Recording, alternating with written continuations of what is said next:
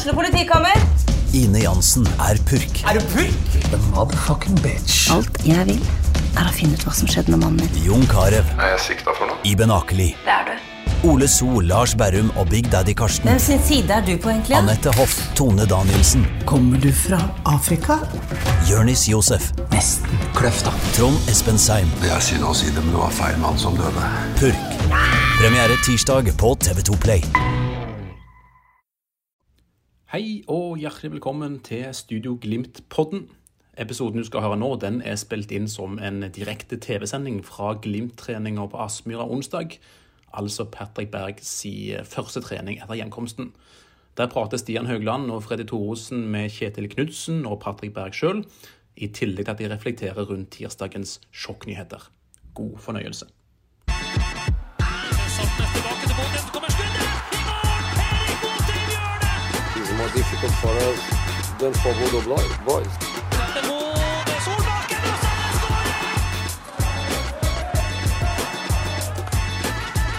Let's enjoy it. Let's go.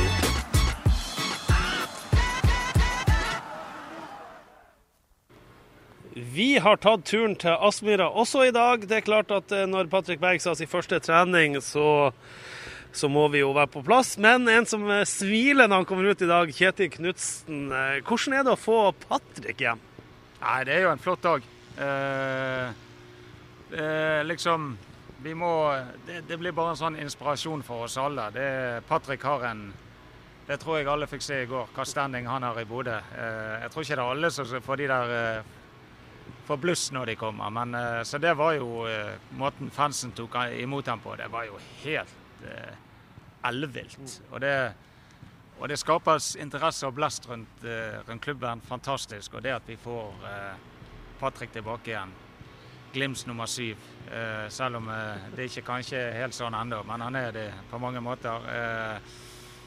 Og det signalet vi gir til omgivelsene, både i Bodø, men òg utenfor Bodø. Og prosessen vi har startet med Ulrik som skrev en lang kontrakt, og Brede som skrev en lang kontrakt, og nå har eh, Hagen skrevet en lang kontrakt, og nå kommer Patrick tilbake og skriver en femårskontrakt. Eh, det mener jeg er et signal på at eh, Glimt er god å handle når eh, det er viktig å handle, og være på når du skal være på. Skjønne momentumet i det å drive en toppklubb og være en toppklubb. Eh, så det er jo med Det er litt stolthet det at eh, Patrick er tilbake, og eh, et, eh, en, en stor signering for Bodø-Glimt. Det vil jeg si.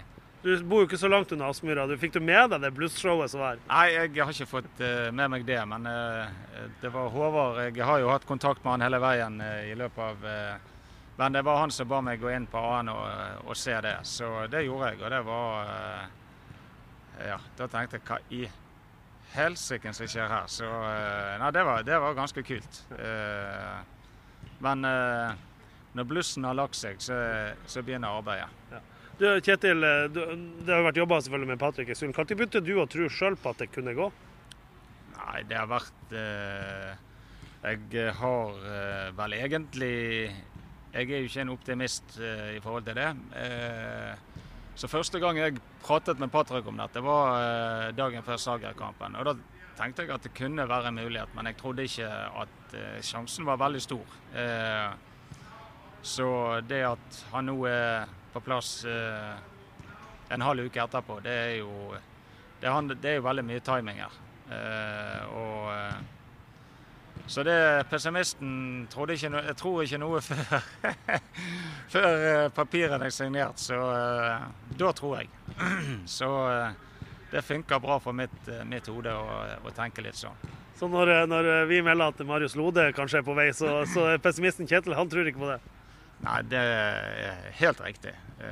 Og alle de som kjenner Lode, må jo Jeg tror vi må se det før vi, vi tror noe som helst. Og, men det er jo rart med dette. Det er jo ingenting som er klart før det er klart.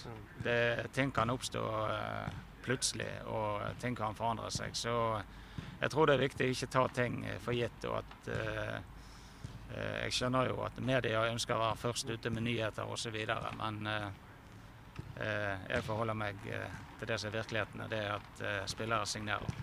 Det begynner å regne, så nå skal jeg ta av meg jakka og legge den på over eh, utstyret vårt, så ikke det blir vått. Men så skal jeg stille et par spørsmål til. Jeg er indignert. Sånn. Men eh, Kjetil, du, det du sier her om å bygge klubb og sånn, vise, vise styrke. Også når du valgte å forlenge kontrakten, var det liksom, liksom viktig for deg å Glimt vise de her tingene? At man, at man også tar litt, litt eh, ikke risiko, men tør å kjøpe og tør å bruke penger og vise at man vil? Ja da, altså jeg vil ikke kalle dette risiko. Nei. Eh, er det en, en sikker investering, så er det Patrick. Og så er jo det dere som spekulerer i summer. og eh, Det er mye rart som kommer ut, eh, det må jeg si. Jeg tror, jeg tror Bodø-Glimt har gjort en veldig god investering. Eh, bare sånn at det er sagt. Eh, og så har ikke jeg satt, satt noe krav Altså Jeg er opptatt av at vi skal bygge, bygge klubb. Eh, og at vi skal bygge klubb eh, for fremtiden òg. Eh, vi skal leve i nuet, og det er veldig mye av det dette handler om. Eh, eh, men eh, jeg er en person som er veldig opptatt av at vi skal utvikle Bodø-Glimt. Eh, og det å få være med på det syns jeg er utrolig spennende. Og større krav enn det stiller ikke jeg. Eh, og så stiller jeg eh, steintøffe krav til meg sjøl og eh, de rundt oss i forhold til at Patrick kommer med en erfaring nå. Eh, den erfaringen skal vi bruke for at vi skal videreutvikle Bodø-Glimt. Det, det er sånn vi må tenke. For det, det er det der gamle gjentagende. Det som var godt nok i, i går og i dag, er ikke godt nok i morgen. Og det, det må vi virkelig leve etter. Og, og, men jeg eh, tenker at eh, også er det av og til viktig å gi noen tydelige signaler i forhold til hvor Glimt er, eh, og hvor Glimt ønsker å være. Og det bedre signal enn dette tror ikke jeg er mulig å gi. Nei. Du, er det en, en vi er redd for, ikke er redd for har gjort, ikke skal ha gjort jobben fysisk, så er det jo Patrick Berg. Hvor, hvor nært er han å kunne gå rett inn på laget mot Molde, sånn som du tenker nå? Nå skal du skal ha den òg, ja? Nei, altså, men, det eh, skal jeg. er det aktuelt i hele tatt? Ja, selvfølgelig. Altså, alle kjenner Patrick og hvor han er. Og uh, uh, vi er jo ikke uh, sånn kjent for å være så veldig redd for å kaste folk inn i, når det, hvis vi mener de er klar for det. Og det, det er jo det som er avgjørende. At vi får bygget det fysisk, at de skjønner konseptet osv. videre, så mange bruker jo litt tid på det. Eh, Albert kom jo inn i en avgjørende kamp eh, ikke lenge etter han hadde signert. Eh, og er det en vi vet eh, kjenner konseptet, så er det Patrick. Så det er klart at han er i frågan fra dag én. Ei normal treningsuke. Ja. Det begynner å bli en stund Ja, det er helt sinnssykt. Eh, Husker du hva dere skal gjøre i dag, da? ja, det gjør jeg. Eh, men eh, Nei da, jeg tror eh, Nummer én skal vi si, Vi hadde den Sager-kampen. Måten soliditeten i gjennomføringen uh, mot Jerv syns jeg er på et bra nivå. Uh, den er tøff, koster mye fysisk. Så har de fått lov å hente seg inn litt. Og nå er det det at vi får en full treningsuke. Vil si vi begynner jo litt roligere i dag fordi at det er dag én etter noen dager av. Det tror jeg er gunstig nå. og Da kan du òg begynne å jobbe med litt detaljer. Og så er jo det utrolig gøy, for det, er jo en det er nummer to som møter nummer én eh, på, eh, på lørdag. eh, Og så kommer jo kampene på løpende bånd, så vi har jo en helt hinsides fantastisk spennende høst som vi syns er spennende. Og jeg regner med de som følger Glimt syns det òg er spennende. Ja, for eh, dere må bruke den uka jeg gått, for det er vel, hvis du ser bort fra landslagspausen, når, når sikkert noen er borte da, så eh, er vel det siste uka denne sesongen dere får det hele uka, er det ikke? Eller er det kanskje ei til?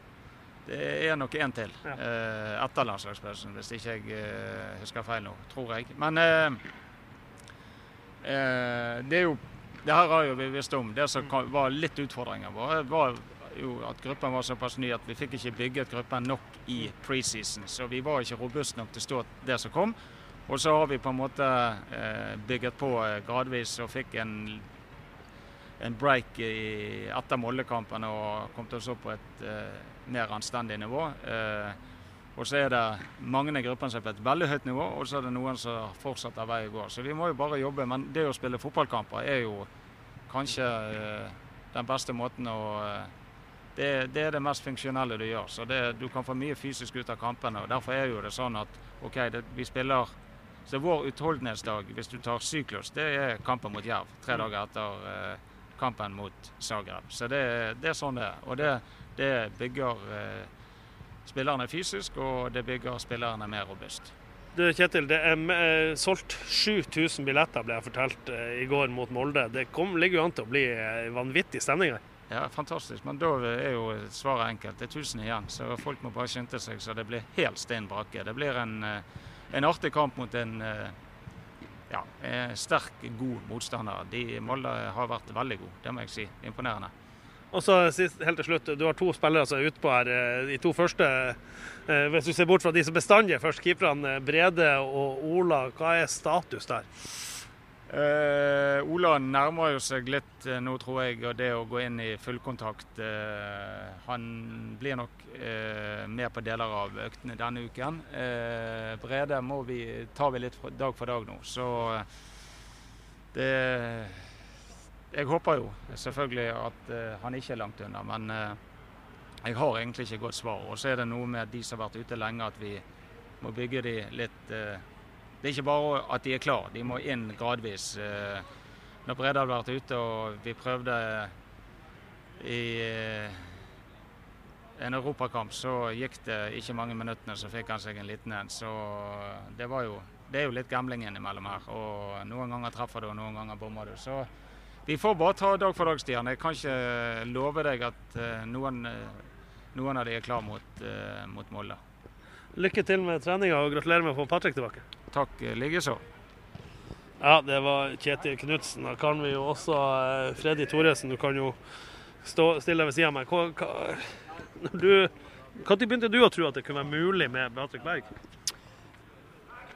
Ja, mulig og mulig. Det, jeg, eh, det der kom jo rimelig overraskende på hele verden, bortsett fra den indre kjerne i Bodø-Glimt. Eh, men eh, jeg satt og meldte litt med Patrick Berg i går, som da var på reisefot. Og eh, uten at jeg helt var klar over det, men eh, det var noe kryptiskhet i de, de, svarene jeg fikk. Patrick Berg brukte noe sånn eh, Altså, jeg spurte er du i Frankrike, eller er du på vei i en charterfly til Bodø, eller hva er det? Det var så masse rykter som svirra. Så han sa han var i Frankrike, og så brukte han ordet 'i skrivende stund'.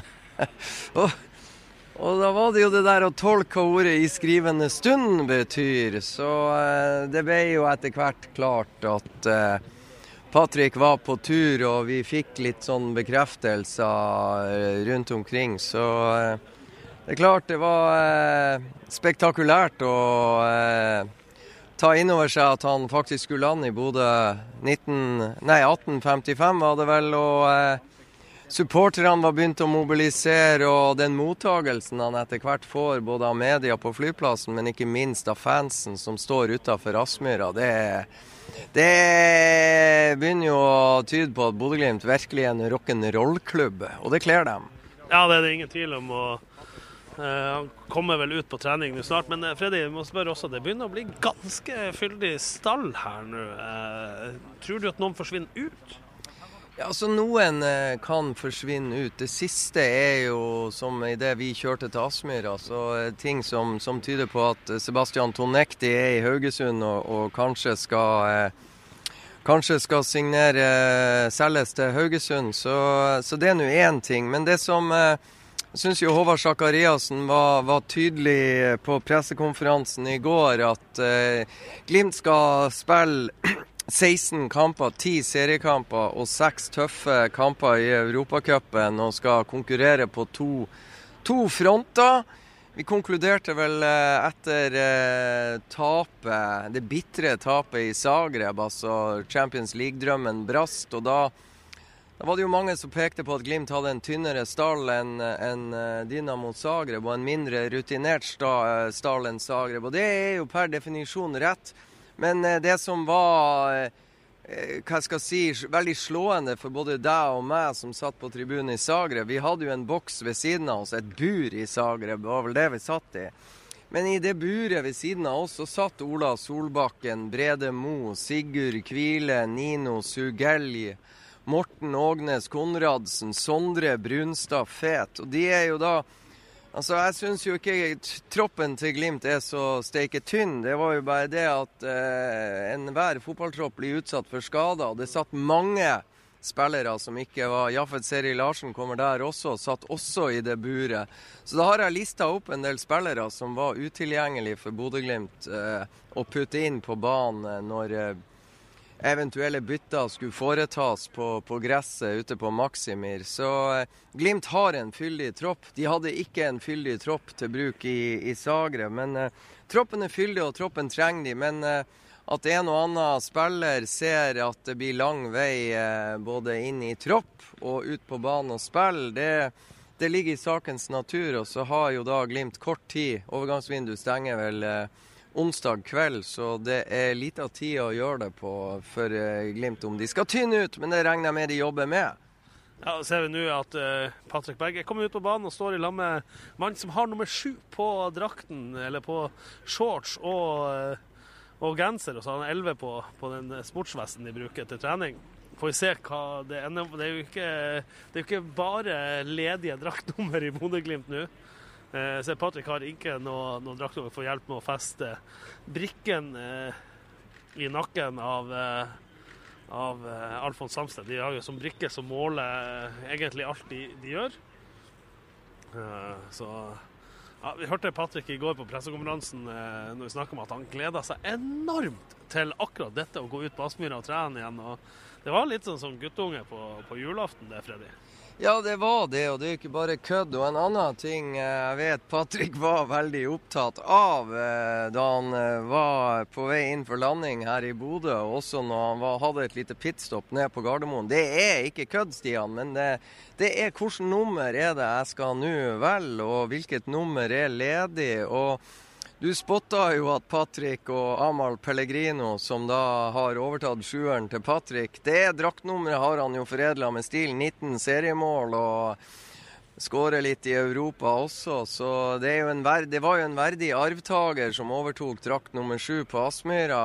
Eh, nei, det, blir, eh, det, er ikke mange nummer som er ledige. Mener Gilbert Komson har eh, 77, så 17 er kanskje også tatt uten at jeg helt har Gaute Vetti har nummer 17, ja. Så eh, Nei, er jo, jeg er jo litt spent. Eh, jeg følger jo amerikansk fotball, og der er det mange, er det mange draktnummer. De har jo fra 1 til 99. Og eh, der er det jo spillere som på død og liv skal overta draktnummeret til de skal ha favorittnummeret sitt, og det betaler de ganske heftig for. Så det kan vel hende at Patrick har noe penger med seg fra Frankrike som gjør at han kan tilby Amahl Pellegrino litt. Men jeg tror jo Amahl ikke er villig til å gi fra seg sjueren. Men kan hende det var forhandlinger om draktnummer vi så her nå, idet de entra gressteppet.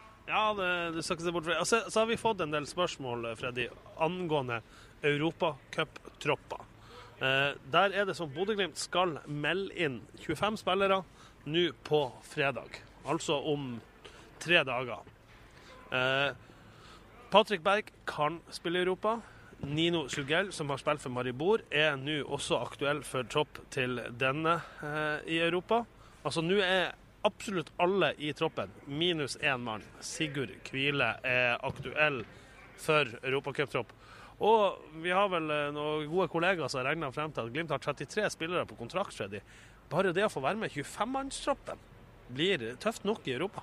Ja, og det er, det, som, eh, det er jo det som er litt eh, også et nytt element med det Bodø-Glimt vi har lært oss å kjenne, og, det, og den reisa de har hatt fra opprykket i 2017 via sølv i 2019 og to gull, og nå er man med i toppen i Eliteserien igjen i år, og eh, de skal bryte nye barrierer i Europa. Så det er klart det er det blir stadig tøffere konkurranse. Og det er jo det som er med å skape fremgang. Det er survival of the fittest, og sånn er det. Og Glimt-trenerne har et luksusproblem å, å uh, forholde seg til. Det blir utfordrende for spillerne, men det er bare én ting å gjøre. Og syns på en måte Isak Helstad Amundsen, som forlenga kontrakten i dag, putta på et nytt år, forlenger forlenga uh, ut 2024, gjaldt den gamle. Nå gjelder den nye ut 2025. Det syns jo Isak Helstad Amundsen er beviset som Altså eksempelet til etterfølgelse for resten i troppen. Ta vare på sjansen, vær forberedt når den kommer og make the best out of it. Det har Isak Helse Amundsen gjort, og det er det flere da, de som er litt, litt lenger bak i køen. De eh, ser at det er mulig også under det regimet som de har her på Aspmyra. I en sesong, du var inne på det i praten med Kjetil Knutsen, at sånne treningsuker som de får nå inn mot Molde, de er det få av. Det er kamper og restitusjon det har gått i. Og eh, Isak har klart å spille seg inn på laget. Eh, med, med, litt sånn få folk på trening og mye restitusjon. Han var klar når sjansen kom, og han greip den. Så det får være eksempelet til etterfølgelse i gruppa. Ja, utvilsomt Isak er en av de. Og, og, og, men hvis vi skal spekulere litt, Freddy Det er jo alltid, alltid artig for oss å spekulere litt. Eh, du har noen midtbanespillere her. Eh, hvis vi tar sentral midtbane, så hadde jo Elias hadde jo klippekort på den, eller var, var soleklart førstevalg der veldig lenge nå. Eh, Gaute Vetti var banka hardt på den døra en periode, så han slitt litt med litt sånn småskader og litt sånne ting. Så begynner de å bruke, Så kommer Albert Grønbæk inn. Da er det Ulrik Saltnes som starter sentralt på midtbanen mot Jerv. Og som ikke det er nok, så kommer Patrick Berg inn her. Og da, i min verden nå, så er jo Gutti Vetti nede på et fjerdevalg der. Du har også en Ask Herransen Skau, som nå også har blitt brukt som venstreback, men som også i utgangspunktet er sentral midtbane. Er det nærliggende å tro at en, en Vetti f.eks. kan være en som kan gå på lån? Ja, du kan si det er, jo de, det er de navnene der som er mest nærliggende å tro, for der er det ganske folketungt akkurat i de posisjonene. Og fellesnevneren for de fire av de navnene du trakk frem med, så er det jo at både Ask, Gaute, Elias og Patrick Berg er desidert best i den sentrale ankerrollen på midtbanen. Og så har du typ en, Ulrik Saltnes som som er litt annerledes skrudd sammen, som, eh, som trives best som indreløper, men som også fungerer godt som anker, og som også fungerer godt som midtstopper. Eh, sånn at eh, det er nærliggende å tro ja. Så tenker jeg min, mitt første inntrykk når det gjelder Gaute Vetti han, eh, han har slitt med skader og litt sykdom og litt helse i den perioden han var i Sarpsborg. Det var derfor han aldri fikk gjennombruddet der. Nå kan Gaute Vetti bruke tida godt, akklimatisere seg skikkelig.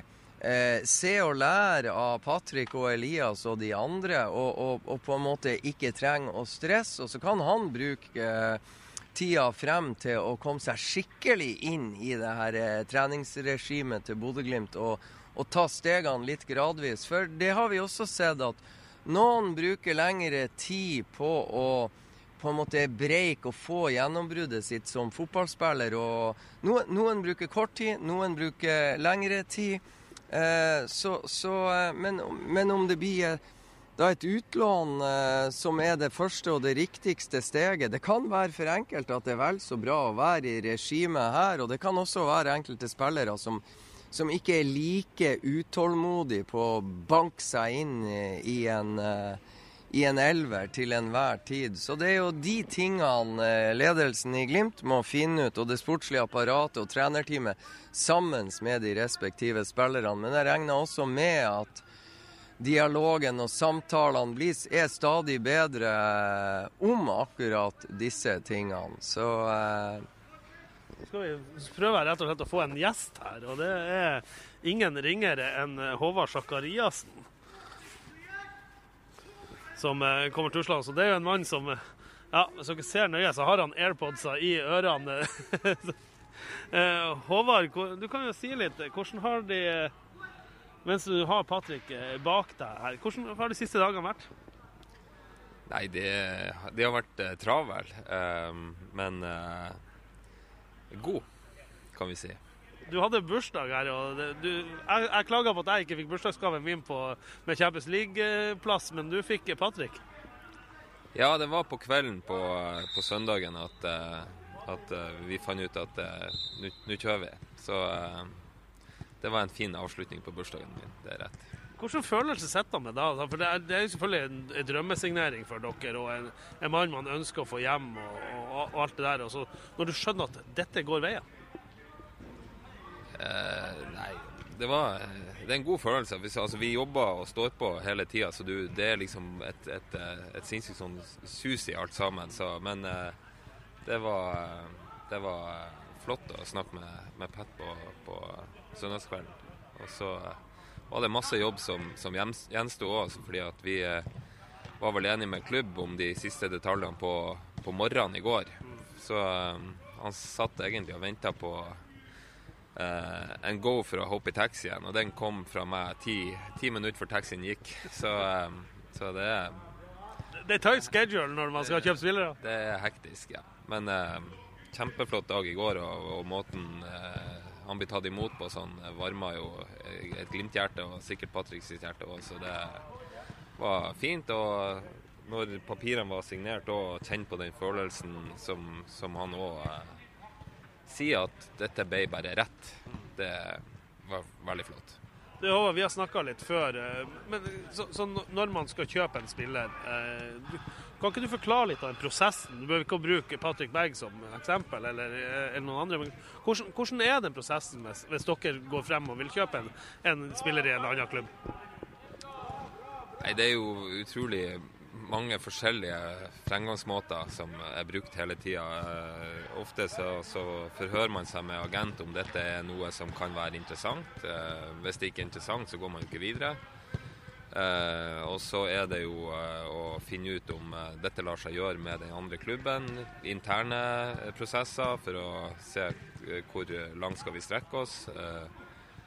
og så går det nå slag i slag hvis, hvis ting er OK, så, så, prøver man å egentlig få til avtaler som er gode nok for Bodø-Glimt. Ja. så det er ikke sånn eh, så det var for noen år siden at det plutselig lå en faks på, på kontoret med et bud? Nei, heldigvis så eh, har teknologien gjort dette sannsynligvis mye enklere enn det var før i tida. Men eh, det er ganske mye som skal på plass, og det er ganske mye riving og sliting. Og så er det jo veldig godt når det, når det um, ordner seg. Så um, det var fint at det ordna seg med Pat òg. Du må få et par ingen kommentarspørsmål også. Er, eh, er du ferdig før, eh, før vinduet stenger? Ja, da, det vet du.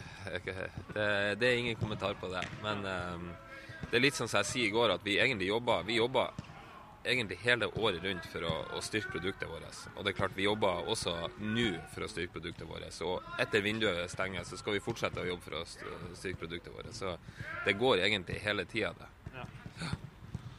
Uh, har det vært stor interesse for spillere i Glimt altså, uh, som folk ønsker i dette vinduet?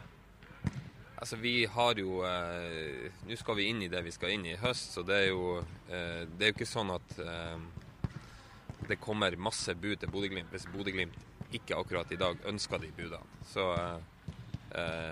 vi ønsker å ha et ordentlig slagkraftig lag utover høsten. Og så er det jo naturlig en del av fotballen at, at man òg kapitaliserer på spillere, og spillere ønsker seg videre. Og da skal man jo se løsningsorientert på det òg. Men akkurat der vi står i dag, så ønsker vi jo å, å ha et best mulig lag. Sebastian Tonekti er ikke her, han har ryktes til Haugesund. Men jeg ser heller ikke Fredrik Sjøvold, hva han har begynt å se etter. Er, det, er, han, er han reist fra Bodø? Uh, nei, det, Sebastian kan det kanskje være noe i de ryktene, men uh, Fredrik vet jeg ikke helt hvorfor ikke er her. Nei, jeg så verken han eller Runar Esper gjorde her, så da måtte jeg jo spørre. Ja, ja. Nei da, men de, de, skal være her. Kanskje de er i bunkeren. Nydelig, Håvard. Takk skal du ha. Skal vi prøve å filme litt og få se Patrick i, i aksjon? Freddy, Fredrik, hva, hva du tenker du om det, det Håvard sier? Nei, jeg var litt uh, Han uh, på, på, et vis bekrefter jo at Glimt jobber kontinuerlig med å styrke, styrke troppen. Og vi var inne på det at uh, Du var inne på det at det er veldig fyldig på, i mange posisjoner, senest da sentral midtbane. og det er jo også bra, eh, bra konkurranse i indreløperrollen, etter min vurdering. Der Glimt er litt tynn. De har en enormt fyldig stall, men de har etter min vurdering bare to sidebacker. Det ene er Alfons Samsted, og det andre Bris Wembangomo. Skal de ha andre backer i spill, så er det ganske heftige omskoleringer. Og de er ikke kommet så langt i omskoleringa av Sondre Sørli, som ble på en måte signalisert tidlig eh, i oppkjøringa til 2022-sesongen. og Ask Kjerransen Skau, som, har, eh, som fikk spille venstreback eh, i Salgiris og også måtte inn som venstreback mot Zagreb, er jo primært en, en midtbanespiller. Så eh, jeg håper jo at eh, Zakariassen og co. på Aspmyra kunne lurt opp en eh, sideback eh, her på oppløpssida av overgangsvinduet. Og så er, det jo, eh, er han jo ganske hemmelighetsfull i, i forhold til spillere ut. Så jeg tror vi kan konkludere med en, en, en, ganske fyldig tropp enn så lenge. Og da blir konkurransen voldsomt skjerpa, ikke minst når noen av de her som er skada, eh, vender tilbake. Ja. Står vi nesten inne på banen her, så uh, håper ikke spillerne blir, blir forstyrra av at vi står og, står og roper her. Men uh, hva jeg skulle si Det er jo én mann som Glimt-fansen virkelig eh, holdt på å si sikler etter nå, eh, som har vært nevnt i, i forbindelse med Bodø-Glimt helt siden han forlot Bodø-Glimt. Marius Lode. Eh, hva kan du si der? Ja, Det vi vet om uh, Marius Lode, det er at han er, han er hjemme på uh, Sandnes og har familieråd med sin kjære Vilde. Og uh, familien hennes og familien hans i Sandnes-området har de jo flytta inn i ny leilighet. De satt og sola seg på balkongen der i går. Så skal det være et familieråd eller familieselskap i uh, Kanskje er det ute på Jæren hos eh, Eller jeg vet ikke helt hvor det skal være, men eh, begge familiene skal samles i kveld, og så får vi se hvilken avgjørelse som er. Ah, Marius har et uh, interessant tilbud fra Bodø-Glimt på bordet. Han har tilbud fra flere. Det er, for... Der er vel både nevnt Blackburn, FCK og Groningen? Ja, du kan si Blackburn for å ta den. Så, så var Blackburn interessert i Marius Lode. Uh, de kunne ha skaffa seg Marius Lode hvis Schalke hadde tatt han med inn i en tropp, en av troppene eh, til en av Bundesliga-kampene. Det skjedde ikke. Og siden Marius Lode da ikke har vært i tropp i Bundesliga til Schalke 04, så får han faktisk ikke arbeids- og oppholdstillatelse i England som følge av brexit. Så det eh, satt egentlig en stopper da for eh, den potensielle overgangen dit. Og det er jo Greg Broughton, tidligere akademisjef i Bodø-Glimt, som er sportssjef nå i Blackburn. Og Jon Dahl Thomassen som er manager. Så det, det ble med tanken, men Blackburn ønska han.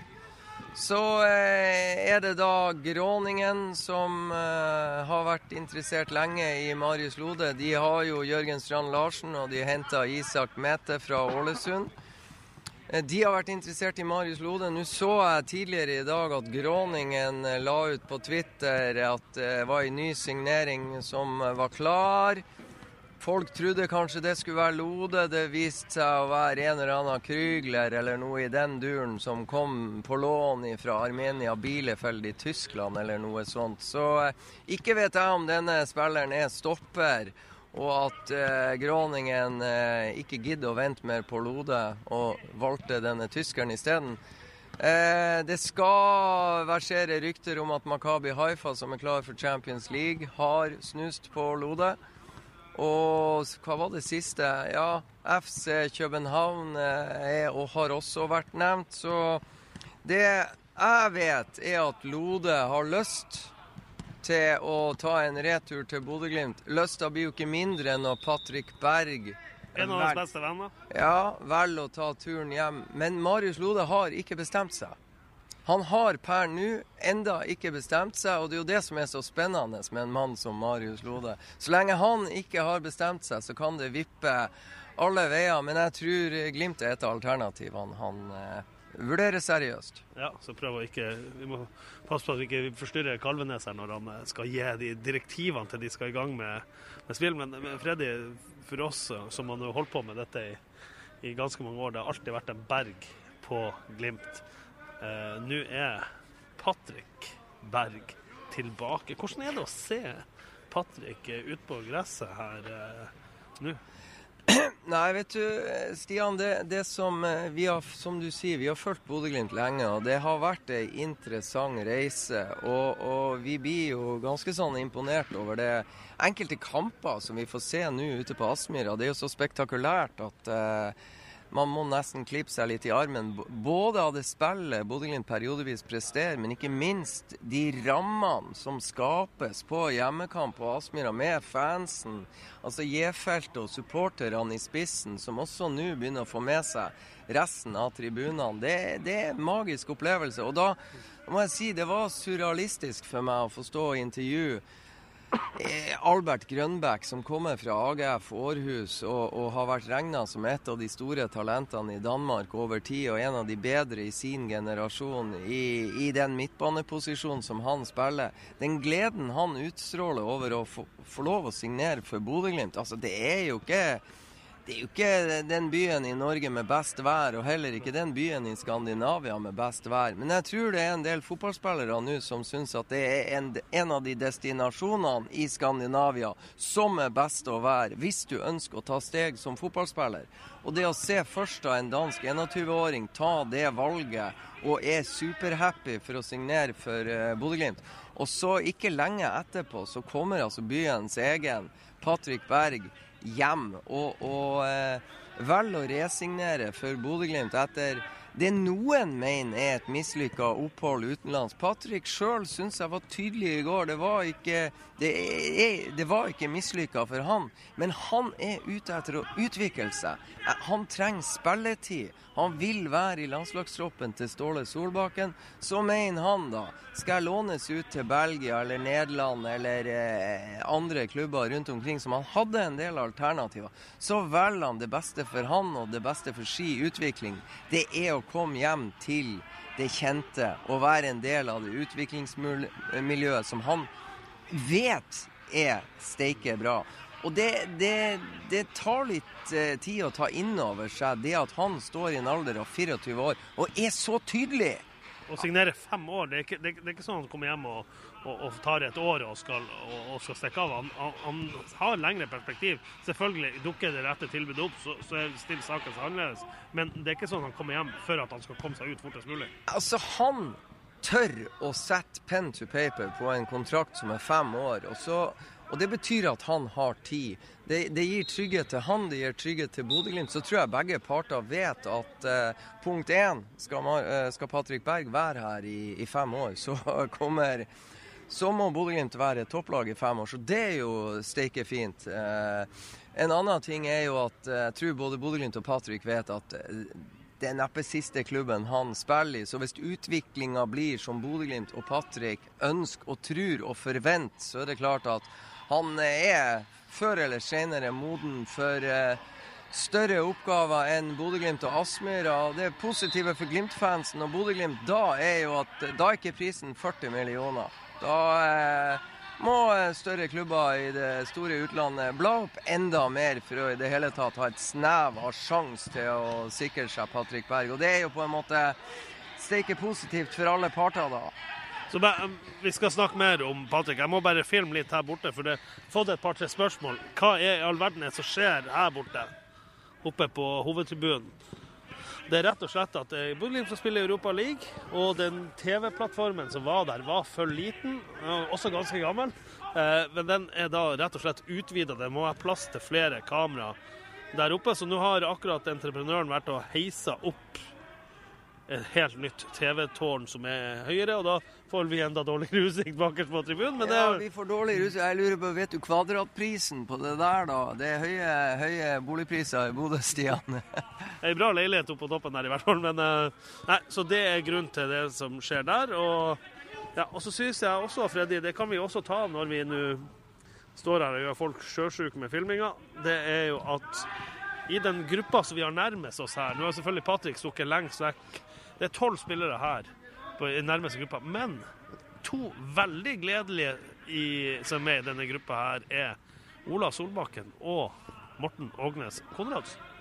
Ja, og det er, jo, det er, jo, det som er så Det var jo det som eh, på en måte beit Bodø-Glimt litt i rumpen eh, i Champions League-kvaliken. Det var en del gode spillere som satt på tribunen og så på kamp. Og det at eh, Ola er nå eh, tilbake i firkant, og det samme Morten Ågnes Konradsen. Og der, Morten Ågnes Konradsen, der har du jo en som kan spille høyre back, venstre back, høyre indreløper, venstre indreløper. Ja. Altså, dessverre for han så er jo styrken hans anvendeligheter. Så der har du jo en spiller som er kan bekle flere posisjoner. Det er jo veldig ofte en treners drøm, det, da.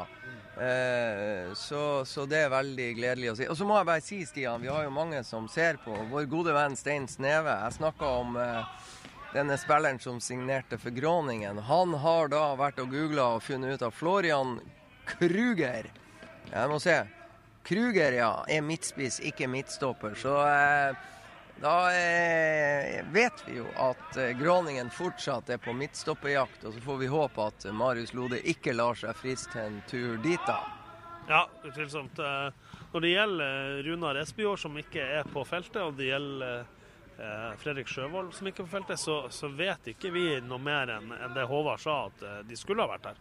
Så det kan jo være en sykdom eller, eller noe sånt. Det det, vi vet, det vi vet, eh, det er jo Spesielt denne sesongen så er det jo eh, veldig mange spillere som har vært veldig mye inne i bua under tribunen og, og, og, trent. Det er ikke så godt for oss å vite hva de spesifikt trener på der, men det er jo både prepping og restitusjon og styrketrening og det ene med det andre. Og, så det... Ikke minst mulighet til å løpe på mølla. Hvis du sliter litt med, med foten, en liten skade, så kan du løpe på mølla med helt ned til 10 av egen kroppsvekt, så det nesten ikke er belastning. Ja, og Runar Espejord er jo en spiller som, som fortsatt egentlig eh, pusler litt med å akklimatisere seg fullt og helt for eh, Glimt-måten å gjøre ting på. Han eh, kom vel inn etter 60 minutter i Zagreb og spilte en halvtime og tok ut mye krefter da. og Så kom det to ekstraomganger, og så spiller han for, fra start. Eh, også i Grimstad mot Jerv, begge kampene på gress. Og det kan jo også være litt sånn der overgang gress, eh, kunstgress. Problematikk med han. Og Fredrik Sjørvold er en ung, lovende gutt, så da er han vel bare bitte litt småsjuk, og så går han inn i bua. Men uh, vi får finne ut av det. Vi får finne ut av det. Og ellers så er jeg vel Det er tolv i den nærmeste gruppa her som, som vi har i bildet. Uh, I hvert fall delvis som er med på, på, trening. Og så er det i den andre gruppa der Patrick Berge, som er så langt unna at jeg gidder ikke å begynne å prøve å, å zoome inn eh, bort dit. Eh, der er de ti. Og så har vi da eh, hele, alle de tre keeperne, altså Nikita Aiken, Julian Faye Lund og Markus Andersen, er også her. Så, ja, så ser vi jo eh... Ja, og Brede Mo er her borte. Og som dere ser, han får kjørt seg hvis det Prøve å zoome inn litt på Brede her. Han får jobbe med de skada spillerne som, eh, som, ikke er i stand til å spille med ball, trene med ball. De jobber ekstremt hardt fysisk så langt de kan. Eh, selvfølgelig tøyde. I og med at Brede har en strekk, så er det jo selvfølgelig lite spurting, men det, det kan være vendinger og, og litt sånn forskjellig.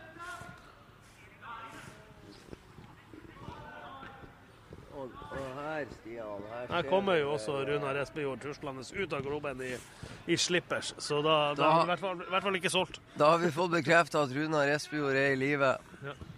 ja, så det er i hvert fall Og det er jo godt.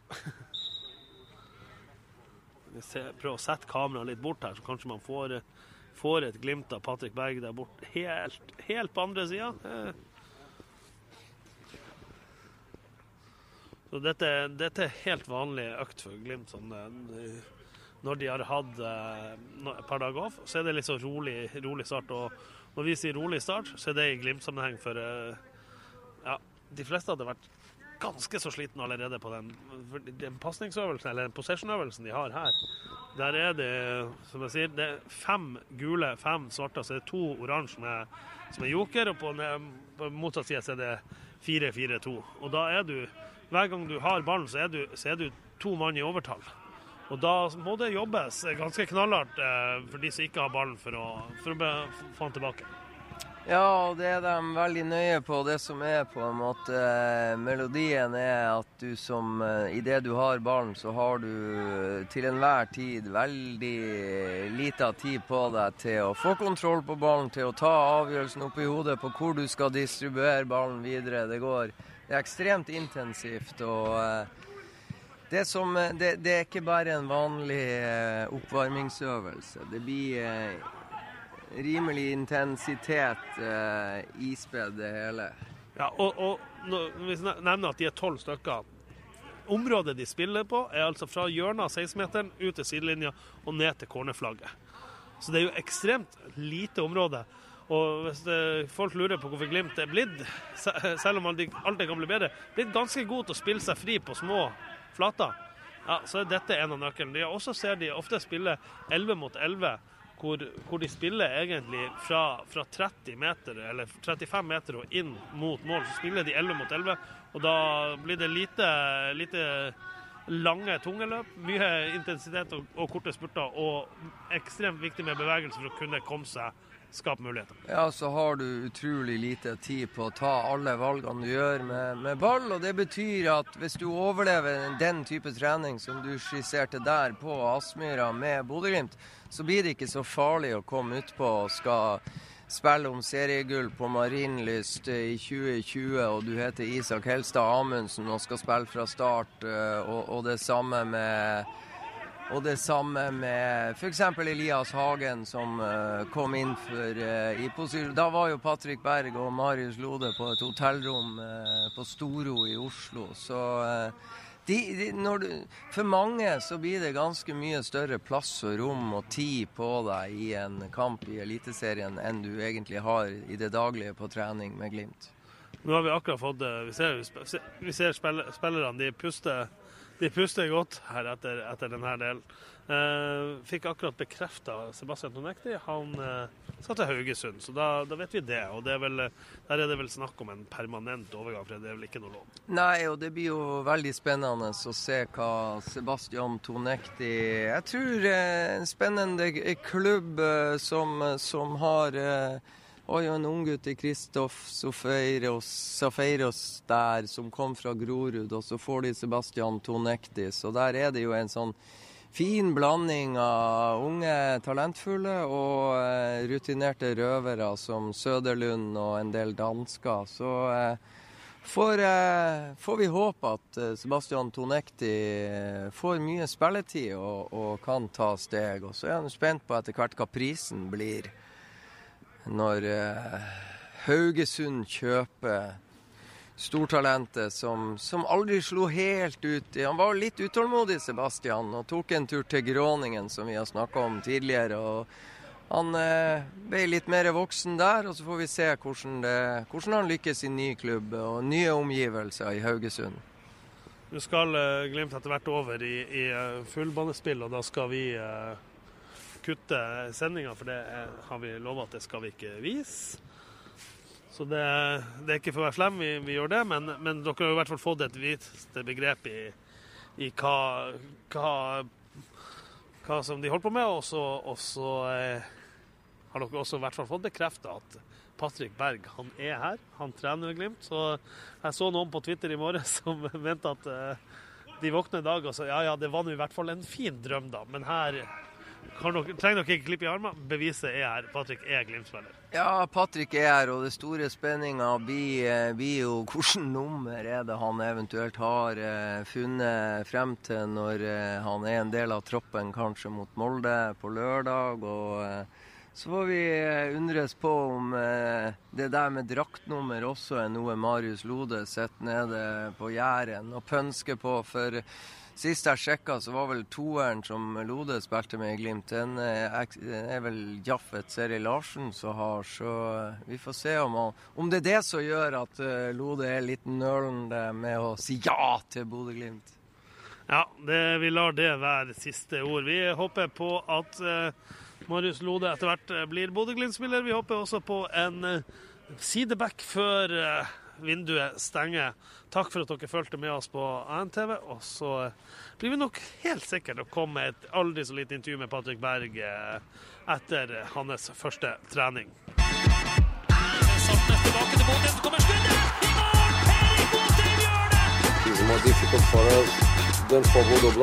så!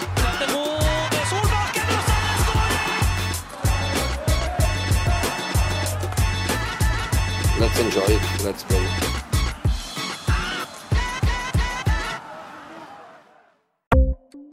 Ukens annonsør er HelloFresh. HelloFresh er verdens ledende matkasseleverandør og kan være redningen i en travel hverdag. Mange av oss har nok vandret i butikken både sultne og uten en plan for middagen, som ender med at vi går for de samme kjedelige rettene gang på gang. Middag burde være dagens høydepunkt. Som Hello Fresh kan du nå velge mellom 25 ulike retter hver eneste uke, eller få Hello Fresh til å sette sammen menyen for deg. Dette gir deg muligheten til å prøve nye og spennende retter alene eller sammen med familien. Du velger antall porsjoner og får alt levert på døren på et tidspunkt som passer for deg. Oppskriftene er enkle, og maten er lett å lage både for store og for små. Ved å få alt levert hjem får du også mer tid til å dele matgleden med familie og venner.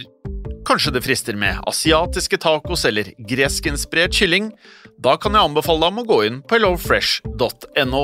Her kan du bruke koden FOTBALL og få opptil 1779 kroner i rabatt på de første fem matkastene hvis du ikke har prøvd Hello Fresh tidligere. Du kan også bruke rabatten hvis du har vært kunde og stoppet abonnementet ditt for tolv måneder siden eller lengre. Gå inn på hellofresh.no og bruk koden FOTBALL. Har du et enkeltpersonforetak eller en liten bedrift? Da er du sikkert lei av å høre meg snakke om hvor enkelt det er med kvitteringer og bilag i fiken, så vi eh, gir oss her, vi. Fordi vi liker enkelt. Fiken superenkelt regnskap.